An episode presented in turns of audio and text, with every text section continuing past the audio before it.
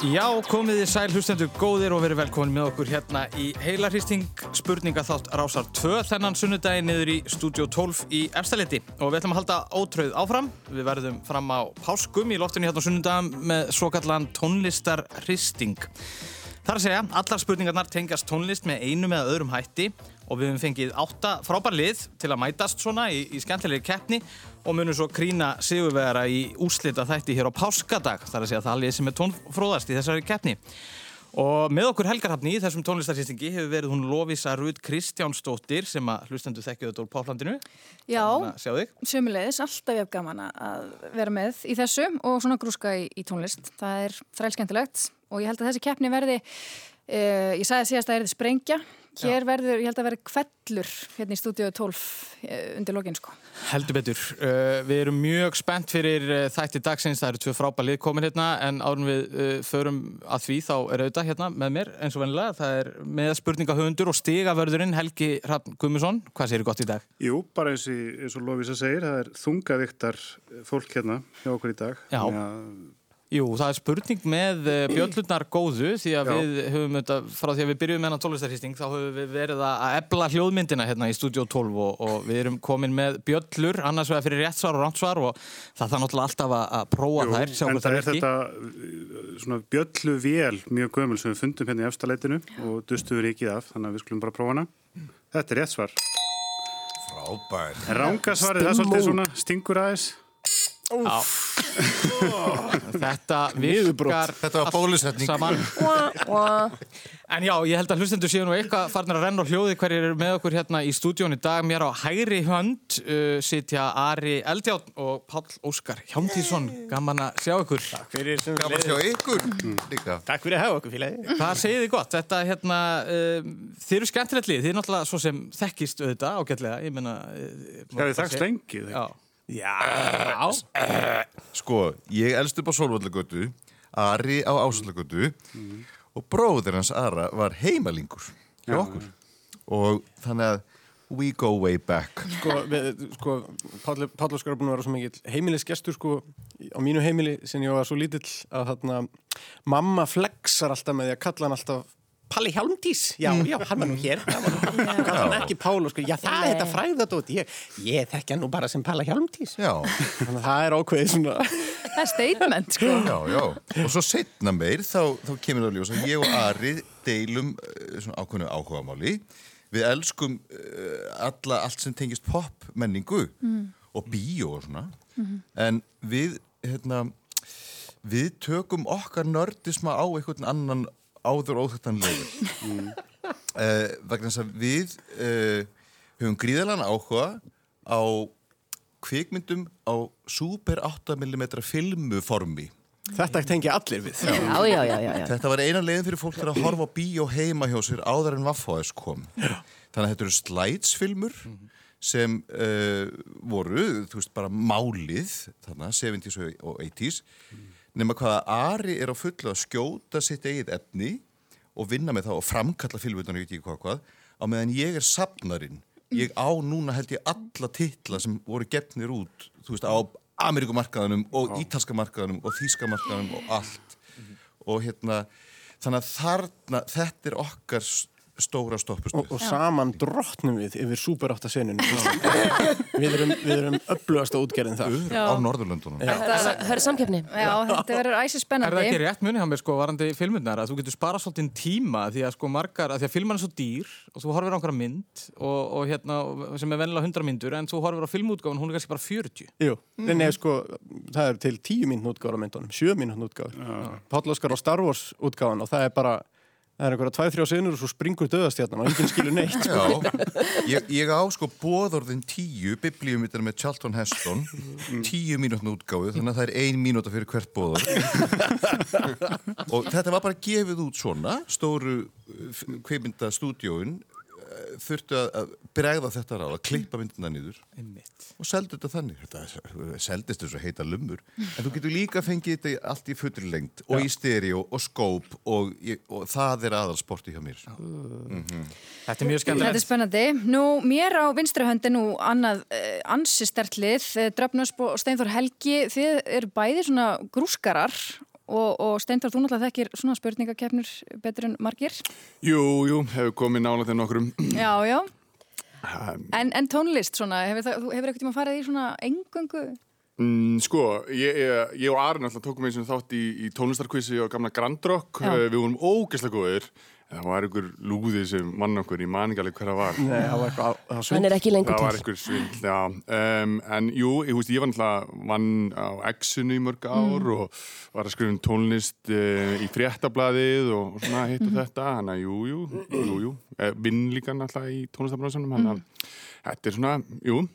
Og þú drefn náttúrulega þekkir senuna í, í Ameríku kannski? Jú, Hvað jú, jú, og að- náttúrulega einskinni sem platinu plötu hafi sko, þá Já. uh, sem rocklingur. Já. Því. Akkurat, ógleimt, já, nákvæmlega. maður verður alltaf að fylgja söguna ég var reygin úr rockingunum því það er, miklu, það er svona auka dassa Hvernig fer maður að því? það er bara það. annar þáttur Já, það er, já, það er, já, Það er alveg klukkutími undir það. Það Já, verður kannski sunnudagsögum hérna eftir hátíð. já, það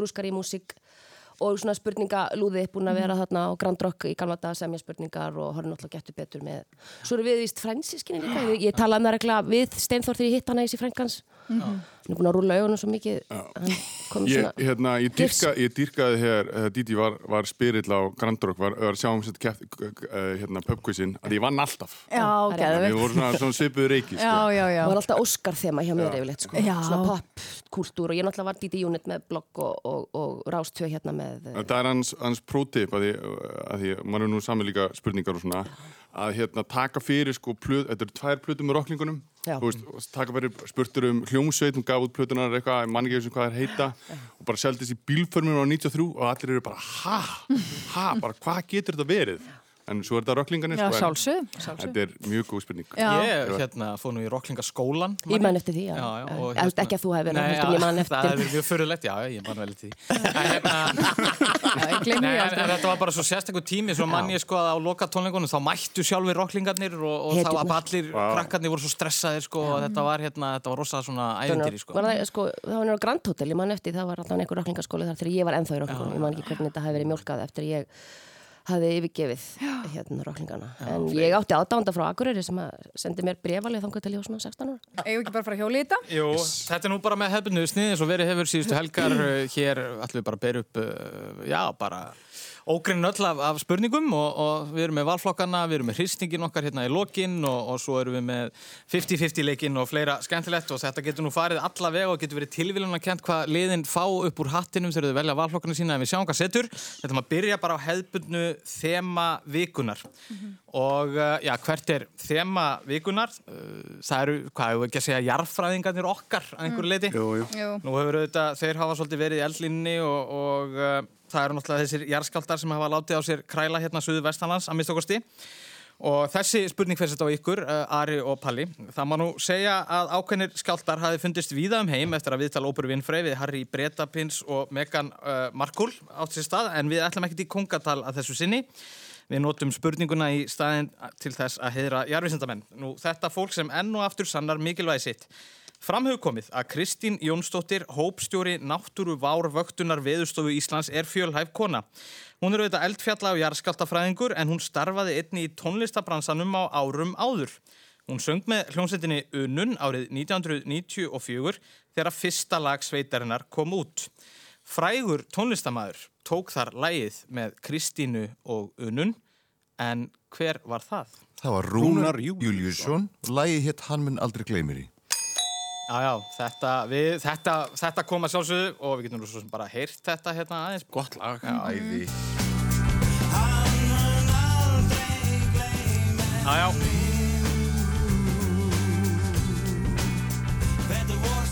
Það eru stig á Ara og Palla og uh, þið voru að sjálfsögðu með þetta og það er þá sambarileg spurning á Já, þá er það á hitliðið, Drefn og Steinþór. Tengsl, jarðfræði og tónlistar eru vafalist flókin, enda stunda jarðskjáltafræðingar það að hlusta á hrinjandi jarðarinnar uh, skjálfa.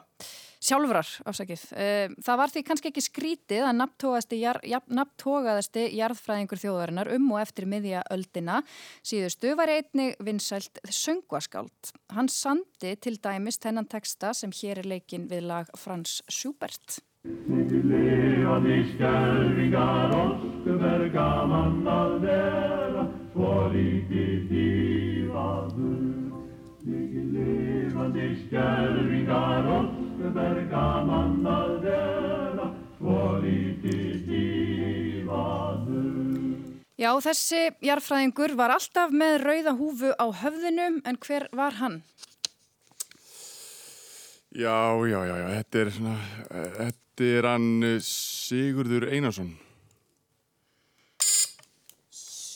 Það var ekki rétt. Já, það er þá stiði bóði hérna fyrir Ara og Palla.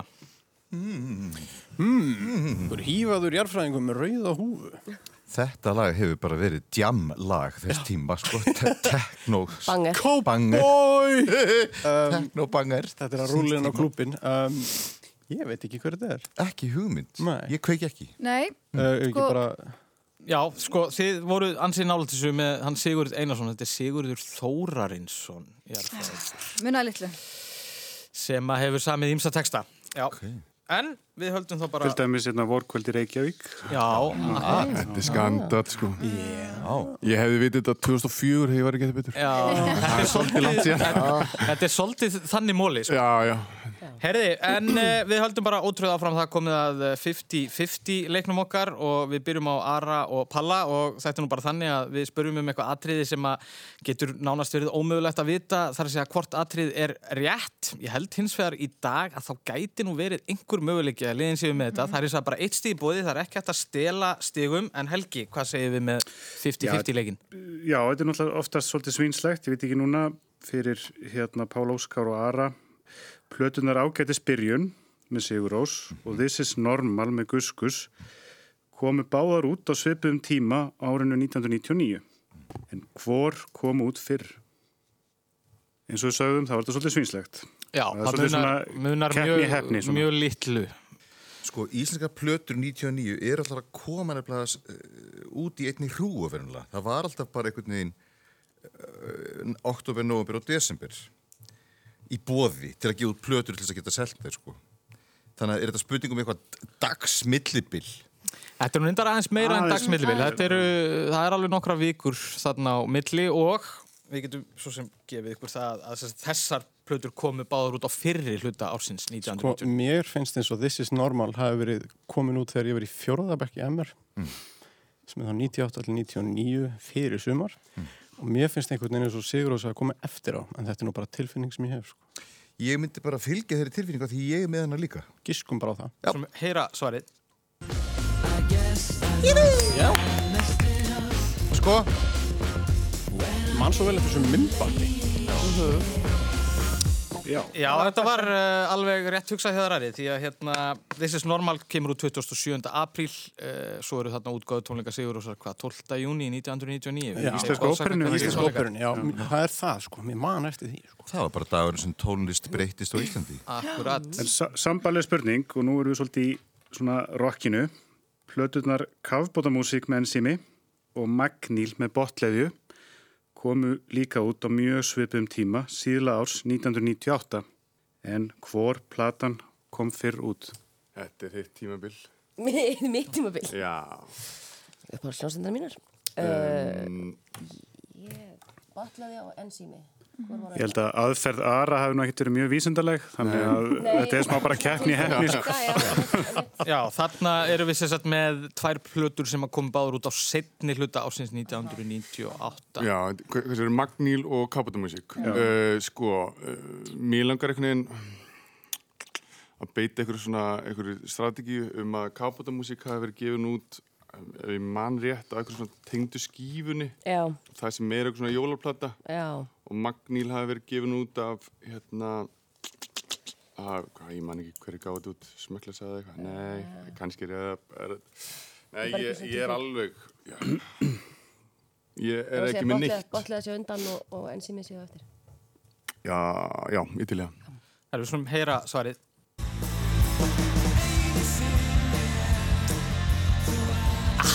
Já, Það er svona. Það var Kabatamúsikinn sem kom út Þetta er 15. svínslegt. oktober, Magnil kom út þarna í desember. Uh, Þannig að það var sérstaklega jólaplatan.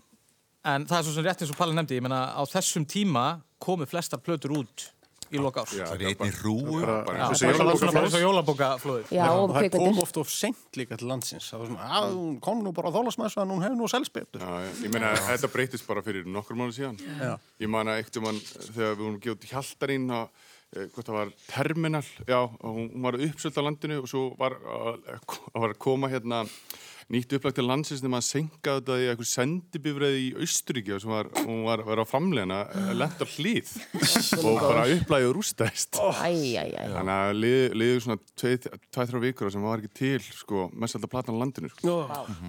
Heyriði, þá er það valflokkar. Kannski, Já. já. Kannski fór stíin og Já. við förum í það. Nei, nei. Hérna, það er 3-0 fyrir Ara og Palla. Æjá, þetta er bara rétt að byrja eins og við vitum og það er fullt af stigum í potinum. Ég meina líka eðlilegt að Stefán útastjóri hafi lauma svona léttar spurningum að þeim. Já, svona, já. Megum ekki- Skulum koma hérna í þjóðargestum. gegn hérna. Þetta er mikið, Þetta er hluta. Já, Já, mikið samsæri. Þjóðagessim að með ekki standa hérna ren. umslugin ég er með kallt handrit hérna. Já, ég dró kalda umslugið Herriði, uh, endilega snúið bara við miðanum stendur á einn og þar uh, fáum við að sjá fyrir valflokkaumferðina og það eru Ari og Palli sem að byrja að velja í henni. Það eru sem sagt, valflokkanir Íslenskt reif í, veðrið, featuring í hiphopi eða Djúran Djúran og Vam. Við ætlum að velja djúran, djúran og vam. Já, ok. shocker. Ekki flókið. Og uh, það er þess að Djúran Djúran og við viljum bara vita hvaða lag með Djúran Djúran sem var gefið út hann 7. mæ 1985 er eina lag þeirra sem náði toppsæti bandariska billboardlistans en ekki þess breska það sem það náði best öðru sæti. Þannig að það er bara eitt lag sem að náði toppnum í bandaríkjunum en ekki í Brellandi með Djúran Djúran. Það kom út 7. mæ 1985. Hvert er lagið? ég meina 85 er það ekki bara View to a Kill? Er View to a Kill 85 mynd? já, já, Þá verðum við að segja það. Já. Bara þetta var markasett í drast. já That's þetta, why. er, þetta er eina sem að þetta er eina lagi sem ég eftir í hug Já. 85 Við segum það. Já. Já, já, við, þetta er bara hár rétt, sko. Já, já. Frábært lag. Mikilvæg. Auðveld spurning. Herri, ok, uh, það er uh, VAM hinum einn. Sambarlega spurning, hvaða lag VAM sem meðal hans kom út á stuttskífu ásamt stórsmellinum Last Christmas árið 1984 náði líka efstasætinu í bandaríkjunum en aðeins öðru sæti í Breitlandi. Þannig að þetta er sambarlegt, þetta er líka það lag VAM sem að náði efstasæti í bandaríkjunum en ekki í Breitlandi. Sumir segja að lagið hafi verið á réttum tíma og réttum stað eftir að Last Christmas hafi fengið alla sína keislu í desember mánuði 1984 og þá var bara að spila lagið sem kom á eftir. Jú, bara flott. Jú, Ég held að það sé ekki... er þetta samt vamlaga? Já, það nefnilega er það. Já, ok. Já, þetta er nefnilega ekki solo. En, en þetta, þetta getur ekki verið þetta. Ég þekki náttúrulega bara svona tvö lög með mam, sko. En, að- Ok. en þetta er sem náði fyrst að í bandaríkjunum ekki í Breitlandi. Já. Hvað segir? Þú maður segja þetta. Uh, never gonna dance again. Guilty feet and got no rhythm. Nei. Æ, æ, Þannig er í bóði. Uss. Ég ætla að grísa á Edge of Heaven. Ekki heldur. Það er þetta hérna lag, uh. Everything She Wants. svo gott lag Bilalag. lag Og þegar hann tók þetta líka live í hérna Unplugged með kór. Já. Það var insane. Það var með svona gospelkór. Þetta er uppáhalds vamlagið mitt, en mér dætti ekki huga að það hefði verið svona vinsælt, sko. Ég held alltaf að ég var svo Geðveikt. klár að þekka þetta lag. B-side á, á, á Christmas. Á Last, Last Christmas. Christmas. Þetta er geggja lag, sko. Sturlalag. Já. Some people work for a living. Hérna, já, þá Já, já. Það var hitliðið að velja. fáið því að velja. Það er það sem eftirstendur, það er veðrið, það er featuring í hiphopi og uh, íslenskt reyfi líka. Já. Við ætlum beint í featuring í hiphopi. Já, mér listi vel á það. Á dögunum voru liðin 24 ár frá því að Biggie Smalls fór í sumalandið en hann dóð það 9. mars 1997. Hann átti fassalan en stuttanferil og sendi frá sér tvær plötur. Fyrsta platan Ready to Die var á nefa einn stærsta plata áratugurins. En við spyrjum hver var eini rapparinn sem rappaði vers á plötunni Ready to Die sem Notorious B.I.G. sendi frá sér árið 1994. Já, featuring á Ready to Die. Hlýtur að vera Puff Daddy. Eða, þú veist, eða sem hann tekur svona vers. Er, er, er svona rappari, þú veist, eh, var hann ekki með einhverja, hérna, Því hún var Var hún á plötunni? Hún ætla bara, veist, var all encompassing þarna í kring, sko. Ok, með myndir annarkvort. Annarkvort Puffy eða... Ég var að horfa á því Evolution of Hip Hop. Verður við ekki að segja Puff Daddy eða ekki? Við skulum ekki segja Puff Daddy, við skulum segja... Uh, Dundra í Little Kim. Nei, Nei, nei. Uh, Er stig í bóði? já, er vá. ekki bara giska á hann, hann, hann Sean Puffy Coombs, hann Puff Daddy. Grísum á hann? Já, guð, segjum bara sé Daddy. ekki heldur, við skulum heyra þetta. Ah, The Method Man. Þetta ámaður nú að hitta. Já. Ég alveg miljónum. Ten, ten, En það er bara sambarlega spurning á Ara og og við byrjum upp hljóðdæmi, eða hljóðbrott.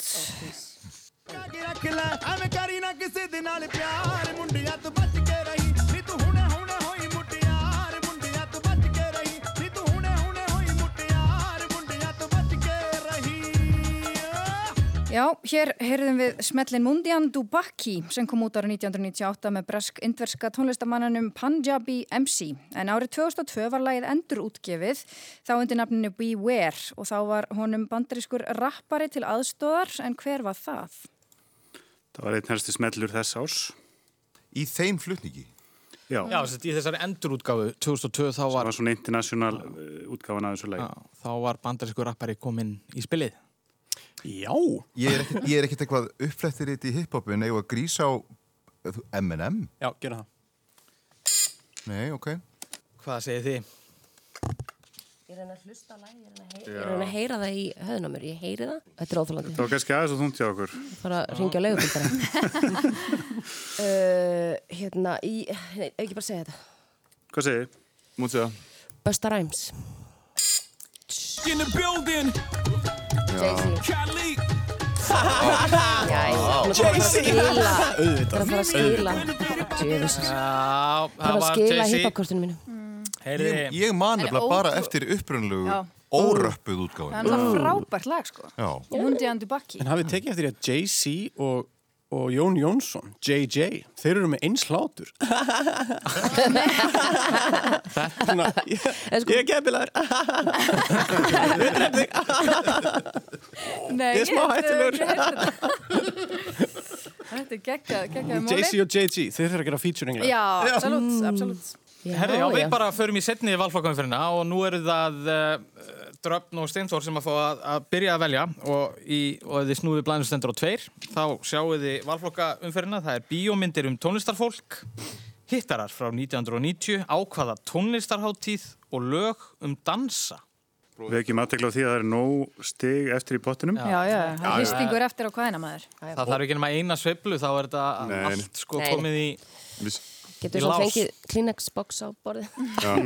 við, við ætlum, ég ætla að fá að vera frekur, segja ákvaða tónlistarháttið. Já, ok. Já, það rýst mér bara ágætlega á og þetta er nú bara svona tiltöla uh, einföld spurning ef við ætlum reyndar að heyra smá brott, gjör svo vel.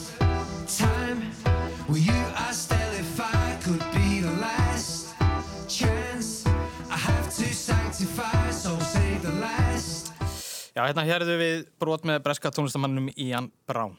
Brown kom hinga til hans og spilaði á tónlistarháttið sem var haldinn hér á landi sumarið 2000. En hvað hétt háttið? Reykjavík Music Festival. Næjá, Halleluja. það kom að því þau eru að sjálfsögðu komin á blað hérna og þið fáið sambarlega spurningu, Ari Já, og Palli. sannlega, við heyrum aftur brot.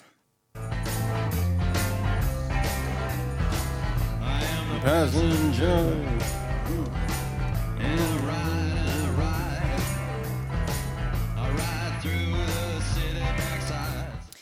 Já, þetta er auðvitað hinn einu sann Iggy Pop, en Iggy Pop kom til Íslands og spilaði á tónlistarháttíð sem haldin var hér á landi þetta sama ár. Hver er svo háttíð? Sama ár, 2000. Nei, Nei, Nei, fyrir- 2015, afsakið. Fyrir, já, Kom til Íslands og spilaði á tónlistarháttið sem var haldinn hér á landi árið 2015. Ég myndi grísa á sko, Secret Solstice. Iggy Pop, Secret Solstice. Ég man ekki til því. Var hann ekki á Airwaves. eða All Tomorrow's Parties? All Tomorrow's Parties. Sko ég, ég bara man ekki eftir með Secret Solstice, það þarf ekki að vera sér ránt. Sko. Eh, Sko ég man eftir Nick Cave á All Tomorrow's Aha. Parties að detta Aha, var Iggy Pop þar líka. ég veit ekki, var hann ekki haldinn tvisar? Heyrðu, þetta passar hér. All Tomorrow's Parties. Giskum bara á það. Yep. Yes! Já, vel gert. Það eru tvö stíð á bæðilið. Hérna Reykjavík Music Festival. Brjáluð. Þarna ætluðu þau að sópa einu stíi en það kom ekki. Við minnum á að það eru mörg stíð í pottinum og það er ekkert í húfi heldur. það er mörg stíi í vatninu og það er gjörsanlega ekkert í húfi. Sko. Það verða handalögmál hérna. Já, Heyriði, eh, Reykjavík Music Festival, það er nú skemmtilega hátíð. Ég mætti. Steinþór- Já, ég mætti þarna líka. Steinþór. Þursaflokkurinn spilaði það maður. Var bara Já. ein svona hátíð. Já, þetta var því að það var Reykjavík var menningaborg Evrópu eða eitthvað þannig að fengu ykkur pinn til þess að Mjög menningarlega hljómsett sem mætti eftir, Var, þetta var, var þetta þegar þið hérna létu unga mannin fara upp á svið og drekka kassa af einhverjum drikk. já, Svo var hann brókar. já. Já. Þetta voru aðri, tímar. Ég man eftir því þegar Reykjavík var menningaborg Európu, það var mikil stemning fyrir þessu en fram að því hafði alltaf bara ein borg verið menn, menningaborg Európu en svo voru við sko ein af tíu eitthvað. Já, uh, heyriði, en það þurfti ekki að velkast í vafa um það að bæði liðin bara voru með tónlistarháttíðir á lás og þá er komið að ykkur að velja og það er síðasti valflokku dagsins og það sem að eftir stendur voru hvað, hittarar frá 1990 bíómyndir um tónlistarfólk og uh, lög um um dans. dansa Við ætlum að grísa á bíómyndir um tónlistafólk. Já, þá lúðrum við bara í spurninguna sem hljóma svona. Margar kveikmyndir hafa verið gerðar um frægar hljómsveitir og tónlistarfólk. Árið 1986 kom út í Breitlandi myndin Sid and Nancy en hún fjallar um stormasamt samband Sid Vicious bassaleikara Sex Pistols og kæristu hans Nancy Spungen. En þau létust bæði með stuttum millibili árin 1978 og 79. En hver fór mestralega með hlutverk erkipönkarans Sid Vicious í þessari mynd? Það var Gary Oldman. Hún, hún ætlaði nú að klára Já, spurninguna. bara, en, en segja má að myndin hafi gert hann frægan það var ekkert flóknar en svo Og hann var með sko alvöru keðjun hann sitt um hálsin. Svona keðja með svona Já. lás. Fekk það lána hjá mömman. Já, mömmas einfallega já. Já er, ég hef ekki séð þessa mynd, er þetta skemmtileg mynd? Þetta er frábæð mynd sko. Þetta er kannski ekki alveg svona poppa og hérna alveg indislega hérna rest. Frekar sko. þú. Já, já, þetta er það nú fæstar. Já, Já, jú, þetta er svona mánudags svona ræma Já, einmitt, uh, Gary Oldman einmitt, uh, það er bara sambarileg spurning fyrir uh, ykkur, uh, Dröfn og Steinþór What's Love, Got to Do With It er kvikmynd frá 1993 sem fjallar um líf og störf Tínu Turner og ofbeldisfullt samband hennar og Ike Turner. Lawrence Fishburne leikur Ike en hver fór með hlutverk Tínu sjálfrar? En bæði voru þau tilnæmt til Óskarsvöluna Angela Bassett.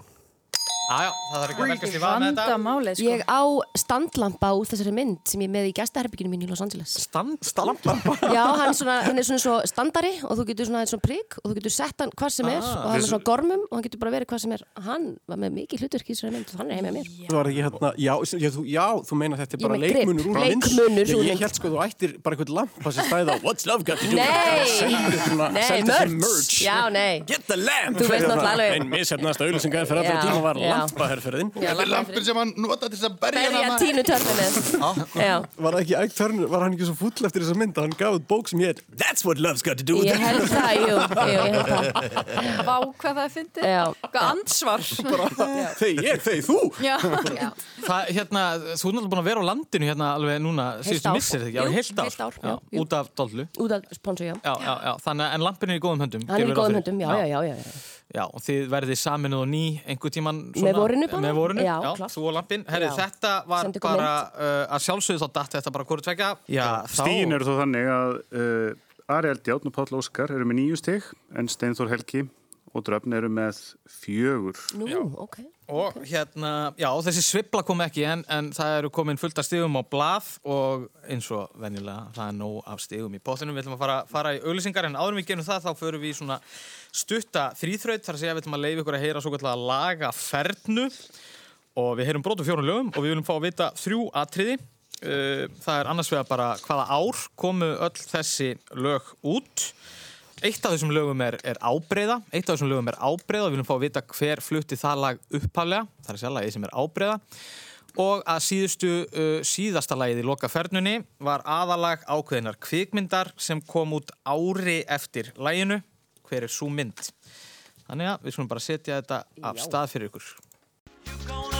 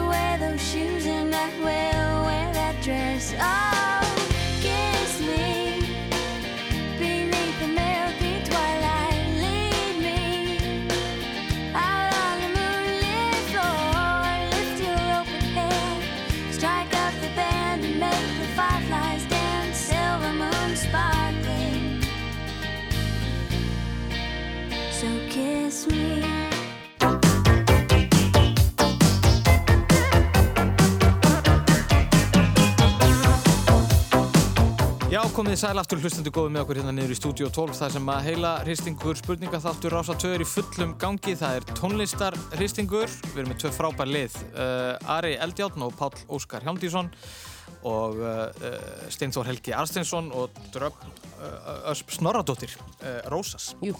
Herði, það er, uh, við vorum hérna fyrir auðlýsingarnar að fara í svo kallega þrýþraut, við erum brot úr fjórum lögum og við vildum fá að vita þrjú atriði hvaða ár komu öll þessi lög út. Uh, eitt af þeim var ábreyða, hver flutti það upphalega og lokalag í fernurinnar kom, var aðalag ákveðna myndar og við viljum fá að vita hvaða mynd það væri en við kannski förum bara yfir hvaða lög þetta voru. Þetta var Set Believe með sér.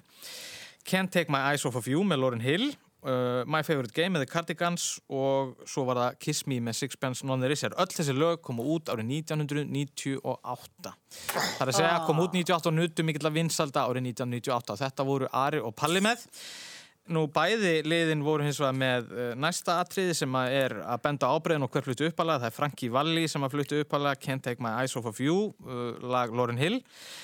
Þá, já, bæði liðin voru með þetta en svo eru það Steinþór og Dröfn sem að eru með myndina sem vorum að leita. Það er kvikmyndin She's All That. Oh! Ari og Palli sögðu Notting Hill og hérna, en She's All That var, var myndin, þetta er svona hugljúf, hvað segir við, teen pop, mm romans, gaman mynd. Er þetta ekki Freddie Prinze Jr.? Jú, Jú. það var nafni sem ég var Akkurat. Vinu minn sko sem var með mér í hérna MR, hann hérna átti, átti kærustu á þessum tíma og þau settist einhvern tíma niður og henni, fann, henni fannst hann vera svo mikil durtur að hún setti þessa mynd í tækið og sagði Watch and learn. Vá. Diri. Þetta var svona menningar sniðugt, biblía. já. Hann var prinsinn á þessum tíma. Já, absolutt. Eh, Hérna, uh, þetta var enda sko, þetta lag var alltaf það tengt þessara mynd að á Ítalíu fekk myndin bara titilinn Kiss Me, hún var bara, hún var bara sagt, kynnt og auglýst undir því nafni. Já. En uh, þetta eru tvö stig á bæðilið, vel gert. Þau ekki bara halda áfram Helgi og fara í þema, aðra þema spurningu. Uh, í vikunni sem leið þá var alþjóðlegur, hvað, baráttudagur kvenna, ekki satt? Mánudaginn. Á mándaginn. Þannig að við ákvæmum nú svona að heiðra konur í þessu, þessu þema hjá okkur og þetta er sett spurning á ykkur, Ari og Palli. Tónlistariðinaðurinn eins og giltum aðra listgreinar var lungu mikil karla stjætt og konur þurftu að berast fyrir að koma stað. Til margsum það er það að það var ekki fyrir árið 1978 sem kona komst í efstasæti breska smáskjöfulistans með lag sem hún flutti og hafði samið sjálf. Lægið tróndi á toppnum í fjórar vikur og varði eitt allra frægasta lag 8. áratugurins. Þetta var kannski ekki síðu merkilegt fyrir ungan aldur tónlistakonunar uh, en hver var þessi kona? Þetta var Kate, Kate Bush, Bush. og Wuthering Heights. Já, já, við getum heyrt bara bróður þessu, þetta var hárétt.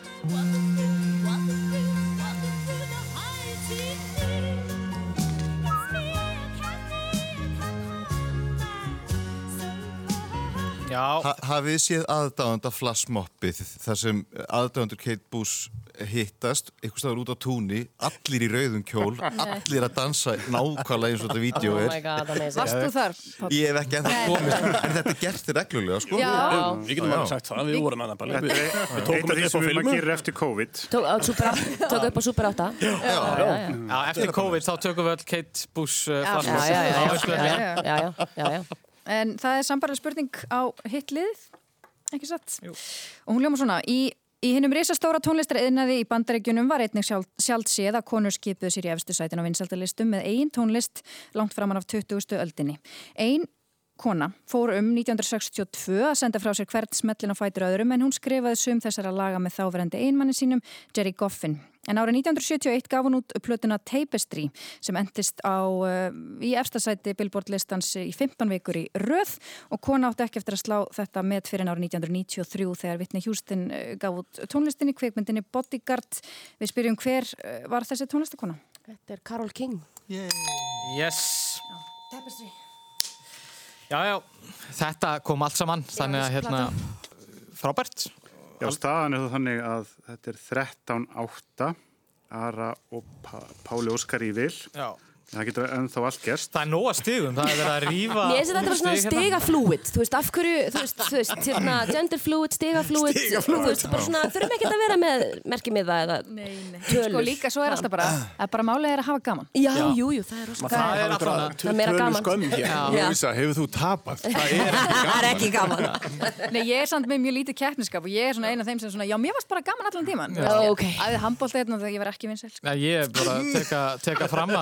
er að að, að að liðin eru búin að taka hér yfir 20 stig og, og, og það þykir nú bara, held ég, bara mjög góð framista. E, þannig að já, enga, enga stiga skömmi, sem maður segir. E, við erum að fara í, hvað, skemmtilegan lið? Við ætlum að fara í textabrótin okkar Þetta er góð. svona, svolítið, svona það sem við kallum grillaðan lið en, en Ú, körrent fáum hérna aðstóð á fréttastofunni hérna í, hjá, á Rúf og það er hann Guðmundur Björn Þorbjörnsson fréttamaður sem hefur verið aðstóð okkur hann er náttúrulega með íðil fara rödd og hann ætlar að lesa fyrir ykkur textabrót úr lægi og því að gíska á hvaða lag er þarna á ferðinni. Við veitum ekkert hvort það sé uh, sem sagt, uh, af Erlendubergi brotið eða Nei, Íslands Þetta er íslensk lag með íslenskum texta þannig að hérna, já, við getum gefið ykkur það. Þetta er innlend lag og, og það er bara texti það er bara textabrót úr læginu sem er lesið.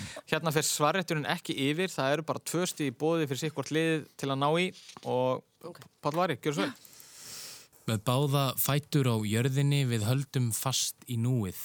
Sorry með mig ef ég gleymi mér í smá. Engin tímaþröng, nei, okkur leikur ekkert á. Baby, treystu mér. Ekki horfa niður, nei, frekar fylgdu mér. Þetta er léttur leikur svífandi. Við verðum bæði dofin, já, við dönsum fast við taktin. Þótt við kunnum ekki spórin. Já Hér vorum við með Sko, textabrót með báða fætur á jörðinni. Okkur kannast ég við þetta? Já, þess maður geta þetta var e, mjög vinsall lag. Já, einmitt. Já, ruggla maður svo mikið að heyra hann lesa þetta sko, því að ég veit ekki hvort þetta er bara eitthvað með báða fætur á jörðunni, baby treystu mér hvort þetta er bara eitthvað svona nýtt, eitthvað svona baby, baby, treystu jörðunni Eh, treystu mér, ekki baby. Ég, ég held að þetta sé nefnilega auður. Já, þetta getur nefnilega verið auður. Já, þetta er, þetta er frekar nýlegur hittari. Mm, Er þetta Er þetta Les í dómarna, þetta Já, gott. þetta er gott. Er þetta Segji eitthvað svona. Poker face. Þetta er eins og áðan hana ATP.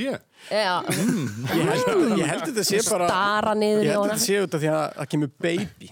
Hann segir einu svona Baby, ég Hann segir baby, hann, hann er svona baby maður. Það, er, er þetta ekki hérna enginn eins og þú?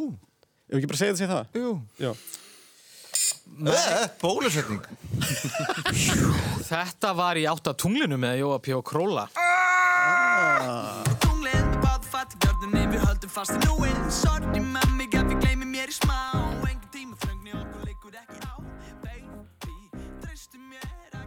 ekki Þetta var muldur, þetta var ekki, þetta var ekki svona Úti alla nóttina, baby, treystu mér Þetta var ekki þetta var, þetta, var, já, þetta var ekki bara fyllir í Þetta var eitthvað svona, svona orkudrykkur og baby Heyriði, við höldum bara áfram og, og það er bara sambarlegt textabrót frá honum Guðmundi Byrni á ykkur Gjörsvöld Hvernig augun þín glitra eins og hafið svo djúft og það stingur í hjarta að vita að ég sé of sein.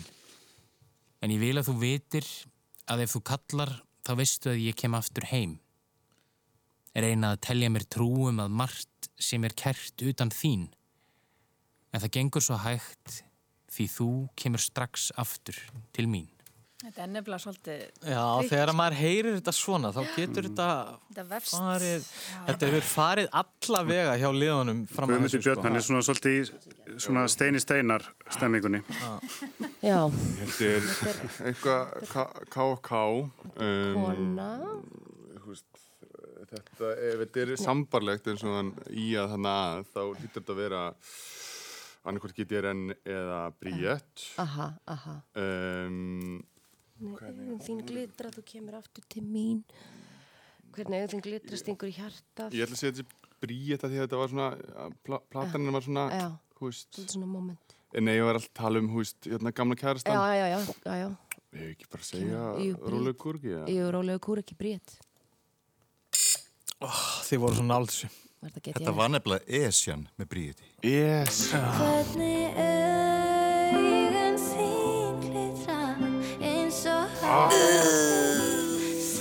Já, herri, þetta var algjörlega... Þessi textabrott eru ekki alveg að ganga hjá okkur. Þetta, Já, það gekk vel hjá Sko, okkur mér fannst þetta svo auðveld. Ég var bara, herrið, við þurfum að gera eitthvað alltaf stafn. Þú ert líka þú Ásta. hefur- Já, líka útvarpskona. Svona hefur heyrti Esjan með Bríett svona Svona 800 sinnum. 400 sinnum. En lí, að því að átta tunglinu var sko geysi vinsælt. Það var alveg bara í bara bombardspilun hérna. Hvenar? Af því þú veist, ég var náttúrulega bara í Íslandi eitt ár. 2019. Já, það var ég í Los Angeles. Já, ég þannig held að að þetta sé 2019 frekar nátján. Okkur svíður yfir esjunni núna maður. Já. Svíður yfir esjunni. Þessi var ókeipis krakkar. Þetta er ekki að kaupa ykkur Netflix aðgang. Þið fengur þennan ókeipis. Hann fær ekki stíg fyrir þetta, hann fær bjöllum Vantar auka bjöllismenn. Það svíður yfir esjunni en uh, það breytir því ekki að við erum að fara í hristingin og það er fullt af stigum í bóði. Það er að rífa hérna einhver nýju stiga eða svo. Já, já, eiginlega meira því það er að stela stigum líka. Þetta er loka umferðin okkar. Við förum þrjár umferðir. Það eru fjögur þemu í bóði fyrir annars vegar eitt, tvö eða þrjú stig og þið snúi bara við blæðinu sem stendur á þrýr og þá sjáu þið flokkana í hristingnum að þessu sinni. Það er landslægið svoköldu stúlknabönd, þekkt sömpl eins og verið hefur í síðustu áttum og indie tónlist um aldamót. Þannig að landslæðið svoköldu stúlknabönd, þekkt sömpl eða indie tónlist um aldamót. Nú, það eru spurningar í bóði og í öllum þessum flokkum fyrir 1, 2 eða 3 stík, þannig að það fyrir bara svona eftir hvað liðunum líst best á og hversu mikla áhættu þau vilja taka. Nú, það hefur verið þannig að liðið sem er undir fara velja fyrst, þannig að nú snýst það þannig við að Steinþór og Dröpp fá að byrja. Og uh, landslæðið, hér eru við að tala um keppnina landslæðið, bara svo það sé skýrt, svoköldu stúlknabönd, þekkt sömpl eða indie tónlist um aldamót. Var það eitthvað, eitthvað tengt, tengt drottlingunum? Nei, það var ekki tengt röllingunum, en ég bara, þetta var á Hotel Íslandi, ég fór og, og, og fór í upptökur, þannig að við landslæðinu. Og þarna ert þú náttúrulega í bransanum á fullu. Á fullu náttúrulega, Já. alveg hókin. 11 ára alveg brjálað að gera Á reykjandi síkarettu með, með veikferðar sólklurinn alveg buguð að koma úr rútunni. Nýbúin að syngja í Miklagarði, allt að gera. Miklagarði. Miklagarði. Já, já, já. Elskar minn, ég hef engan tíma, ég er með gig í Miklagarði. Náði ég NMT síman minn. Ég ærist. Uh, hérna, Kókopepsur eru svo dýrt. Já, það var ókvæmst dýrt. En ég fekk það okkipist. Það var á rætefnum mínum. Ég fekk kókopeps og lakrís. Það var 500 fullkominn kókupöf. Já, Kóniaksklass. já ekki, ekki broti. Steður, hvað segiru? Ef að fara í þekkt sömpl eða indie tónlistum aldamót? Þið kynnu að þurfa að taka einhverja smá áhættu. Já, Sko, ég ég- geti verið rosa góður í þessu indie tónlistum aldamót. Já. Uh, já, ætti að vera að svolítið vera góður. sleipur þá. Ég ætti að vera góð í stúknarböndunum, Svo sko. gullið stúlkabönd, sko, það er bara spurning þörd samt líka, uh, þeir eru líka, já, svo gullið stúlkabönd þrýr, uh, ef það, ah, svolítið er þetta. Sko, indie tónlist. Hvað munar eftir mörgum stíðum? Það munar fimm stigum, þannig að... En svo náttúrulega, það eru Spurning, tveir, sko- það eru tveir skólar í þessu, sko. Það Það er spurning að byrja, sko, ekki of stert, við taka bara tvö stig í ykkur svona, Mhm. Já, já, Já. ef prófa tvö stig í svo gullið stúlkabönd. ég er til í það. Já, ekki vandamálið. Árið 2004 var án efa eitt stærsta tónleika ári Íslandssögunar hver eh, erlenda stór hljómsveitin á fætur annari rak hinga til lands. Það gafst varla tími til að þrýfa á milli atriða í lögadarsöllinni. Hér má nefna hljómsveitir að borðið Metallica, Pixies, Placebo, 50 Cent og fleiri. En við viljum vita hvaða stúrknarsveit spilaði fyrir fullum sali í lögadarsöllinni á skýrdag 8. april árið 2004. Sugar Babes. Sugar Babes. Ég var á þessum tónleikum. Ég Já, ég mátti ekki fara það mitt. Ó. Það er mér leiligt. Vel gert, tvö stig uh, og þar með saksiði aðeins á uh, Ara og Palla sem að eiga að velja næst uh, eins og ég segi, það, þá er eina spurningi sem er farin, eru tvö stig í kvennasveitum eða svo kvöldur stúlklambönd Við erum alveg til í tvö stúlnabandastig. Þú veist, megum við það? Nei, Nei, það er búið. farið, það er farið. Þannig að Þá er það þekktu sömplin. Já, það er, það er eitt eða þrjú stig í stúlklamböndum en svo er það þekktu sömplin Þið viljið fara í tvö, sem sagt. Chicken. Nei, eru ekki búin að velja. Chicken. Hvað, e- eigum við að taka, eigum við að taka tvö stig í þek- þekktum sömplum? Já. Já. Já. Já. E- Eða eigum við að vera gráður í að segja þrjú stig í þek þekktum sömplum? Nei. Nú, ok. Við erum petti og fáum tvö. Herri, þið heyri bara smá brot Gjörðu svo vel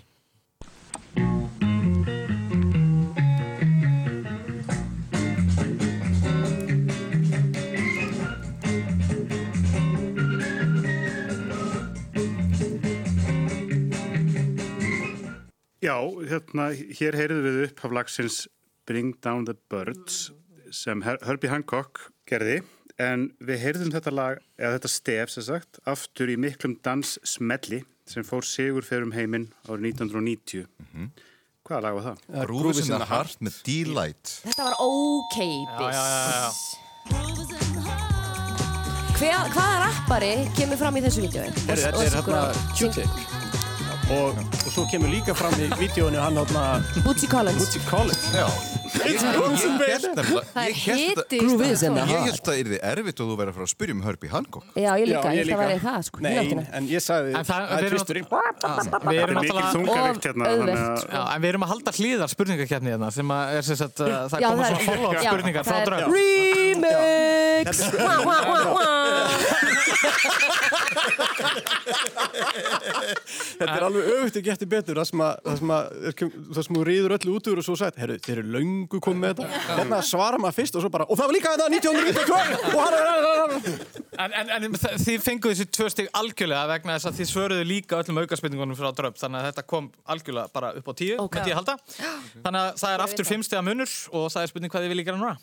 Drögg og Steinþór. Eh, Ég er ós, eh, við getum farið í Tax Samt 3 eða svo getur stúrknapan 3 Aha, eða farið í Indertónlist 3 um. Hvað hva segir þú? Ég nefnilega er eiginlega sammálaður þarna í öllu, sko. Ég, ég held að ég væri veikust í indie tónlist þrjú því að Já, þá einmitt. fara þær eitthvað eitthvað svona deep cuts og, og b-sides frá einhverjum svona rótara hjá Vir- Virkó.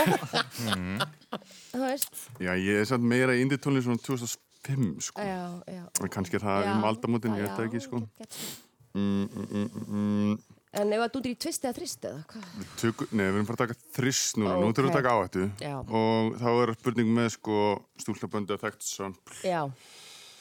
Uh, þú mátt velja flokk. Oh boy, herðu, þá dundrum við í stúlknabönd þrjú. Já, fyrsta stúlknabandi sem kannski náði meiri háttar meginströms vinsaldum var Kvennasveit sem var stopnuð í Minneapolis í Bandaríkanum árið 1937. Já. Þær slóu í gegn með eh, lög eins og Boogie Woogie Bugle Boy, jólalæginu Melekaliki Makka og þessu lægi hérna. You one real good fine time drinking rum and Coca-Cola. Go down Point Cumana, both mother and daughter, working for the Yankee dollar. Oh, Já, þetta var lægið Rum and Coca-Cola. Hvað hétt þessi Kvennasveit? 1937. Þetta er svona, já, má segja að þetta séu svona... Þið eru oft spila á, rás 1 á Ég mótnana. þekki, þekki lögin, Já, sko, þetta er svona, en, þau, þau, þær, brey, þær breyttu leiknum í, í þessu, þessu kvennasveitar bransa. þetta er ekki eitthvað svona The Ronettes eða eitthvað svona, Nei, það er nei, nei. sko, það er ekki, Þetta er eitthvað svona þetta er eitthvað, shag, shag. Já, því þetta, hann að hafa jólalægið þarna Malika, lika, ba-di-di-di-di-di. Ég held ég sé að draga blankó, sko Já, ég held ég líka. Já, maður stelast í? Nei. Já, það er endar er í bóðið að stela nú stig. ég bara- Fá, fá þið samt bara eitt stig. Já, bara eitt stig í bóðið, sko. Við- Við ætlum að passa þetta. ren. Ok, hvað segir Ok, þið? Þetta voru Andrew Sisters og, og þær hötuðu hver aðra. Alveg. Það, það gerir stundum. En það... þessi músík dásamleg. Já, geggjuð. Það á ekki bara að spila hann á Og sunnudum. þær eru svona, einmitt, eins og þú segir, svona, þetta eru strömmkvarvar Já, konur, sko. algjörlega. Mér stórkoslega líka þetta segja alltaf að vera að spila þetta á mótnan á rás eitthvað. Já, þér er eitt glænýtt með Andrew Við erum með það á brefi. MSC gerði ekki Björklind. Drinking rock, rock, rock, rock, rock, rock, come on, come on. Uh, heyriði, þannig að það bættist þarna auka stig við Ara og, og, og Pála en það komið ykkur að velja í annar umferð hvað segið þið með þetta? Viljið þið taka eitthvað uh, Já, staðan er sett 16-10 16-10, það er um 60 munur já Ef að taka- ef að vera djarfur og taka þrist í þekkt söm. Já, er það ekki bara? Já, gerið það, það Já, gerir það, þá fáum við að sjá eitthvað sem við vissum og Já. erum með upp á bak og, já. Já, S- Stefán Útustjóri er að lauma hérna einu. Já, já. Þeir eru með- Mm. Herri, við heyrum aftur brott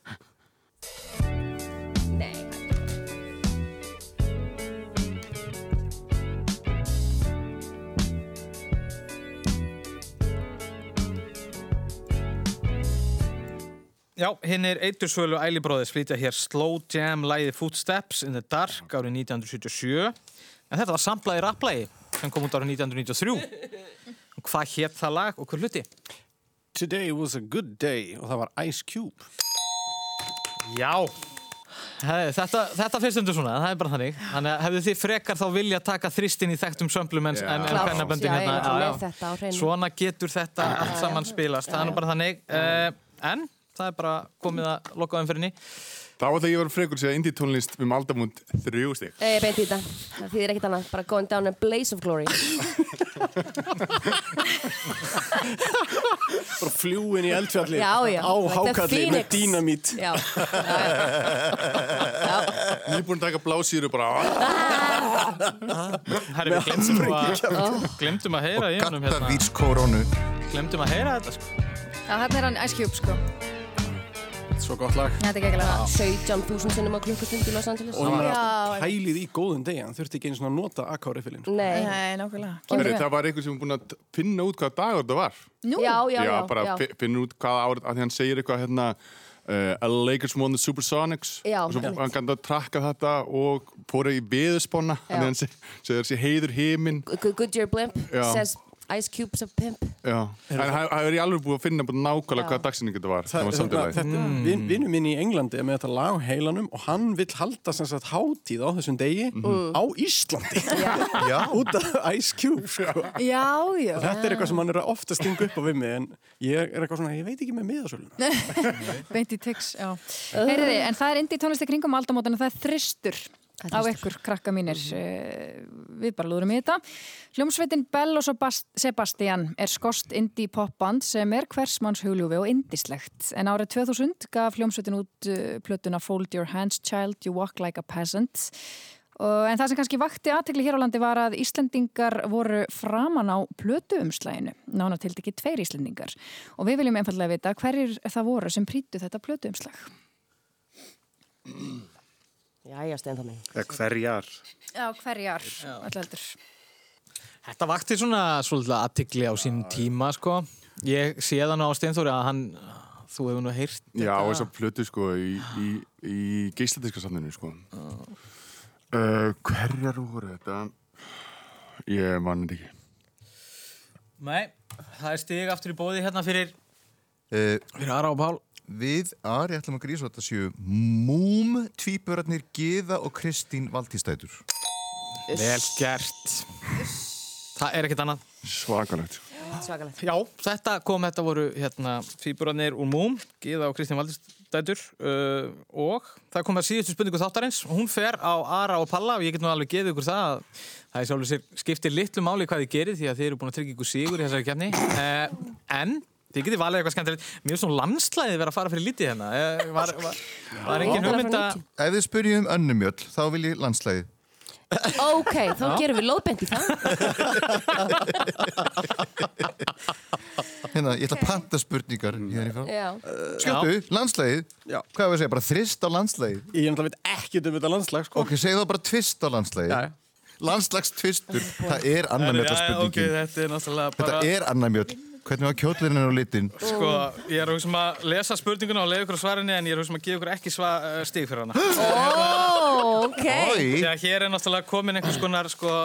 Þeir lesa okkur í svo opna bók. Öskunni. var náttúrulega magnaður hérna, viðburður uh, haldin í fjórgang á árunum 1989-92 og svo í fymta skipti árið 2001 þessi keppni átt að vera eins konar svar við Eurovision undan keppninni sem haldin var í fyrsta skipti en við spyrjum Sko, lægið sem sigraði árið 1991 náði kannski ekki eins miklu flugi og önnur sigurlög. Lægið hétt Ég aldrei þorði og, og var flutt af söngkonu. Hver er hún? Þetta var annar mjöl. Oh my god, sko ég ærist. Sem fór náttúrulega eftirminnilega svo alla leið. Sem- Já. Anna Mjöll. Og hún sandi þetta sjálf. Já. Hún er í LA. Hún er í LA og hann gift honum Carl Worthington sem var svona ómerkilegu bílasali sem er miljónamæringur frá Long Beach. Hafið þið farið á tónleika með önnur mjöl? Heyrðu, Hún er stanslust upp í The Jazz Lounge í The Valley að Var syngja hún ekki eins alltaf að vinna hjá og Julio Iglesias? Erðu, þessi kona er uh, bara óslýpaður stand-up comic demantur, sko. Já, já, já. Hún er svona Dolly Parton í henni, sko. Löflétt, sko. A- a- And then some. Veist, hún held okkur í hlátuskrampa á, á millið þess að hún söng hérna, jólarokk, jólarokk, hátíðar Já, já, og hún góður. alveg argandi flott og, og, og flottu músikant. Rosa sönguna. Ég er Mm. fegin að landslægi fekk aðeins að fljúa þarna. Já, algjörlega, við vorum mjög ánægð með það og, og það var líka bara löðin pöntun hér fyrir ákveðin spurning. Já, ég meina, við, við, við bara lít, lítum að þessu skild okkar að tapa hérna. Við erum að búa við- til við- við menningar verðmætti með því að hleypa þeim áfram og hafa meira í Við útvarpinu. tókum þetta á kassanstráka. Við getum ekki látið ykkur lappa hérna út og það tapast. bara mikil eftirsjá á ykkur En áriðin kemur loka svona stöðuna þá kannski að því að fólk var nú með einhverja samsæðiskenningar einna en þá er það náttúrulega þannig að Ari Eldjátt er alveg upp á Ásvallagutunni Páll Óskar á Solvallagutunni en ég er alveg upp á er það. Þetta eru vellirni, sko. Þeir eru að gefa. Q1 was right. Og. Stefán Eiríksson var á brávallagutunni. En þetta fór Allir, í haga, sko. Já. 2010 Já, þannig að, eh, en það var frábært að fá ykkur, Steinþór og Dröfn og þið stóðu ykkur með miklum sóma og hérna uh, glæsilegt og Já, já. Og Palli um það. til um með, sigurinn. Veit það nú ekki. Veit það nú ekki. En ég menna þetta var nú bara þannig, það voru rifin út hérna heil 30 stig og ég myndi nú segja að það væri bara mjög mikið og sennilega bara með því mesta sem við hefum séð í keppnunum hérna. já, þetta var svakalega keppni sko. Já. Herri, við heyrumst aftur að viku liðinni. Takk kærlega fyrir okkur í dag.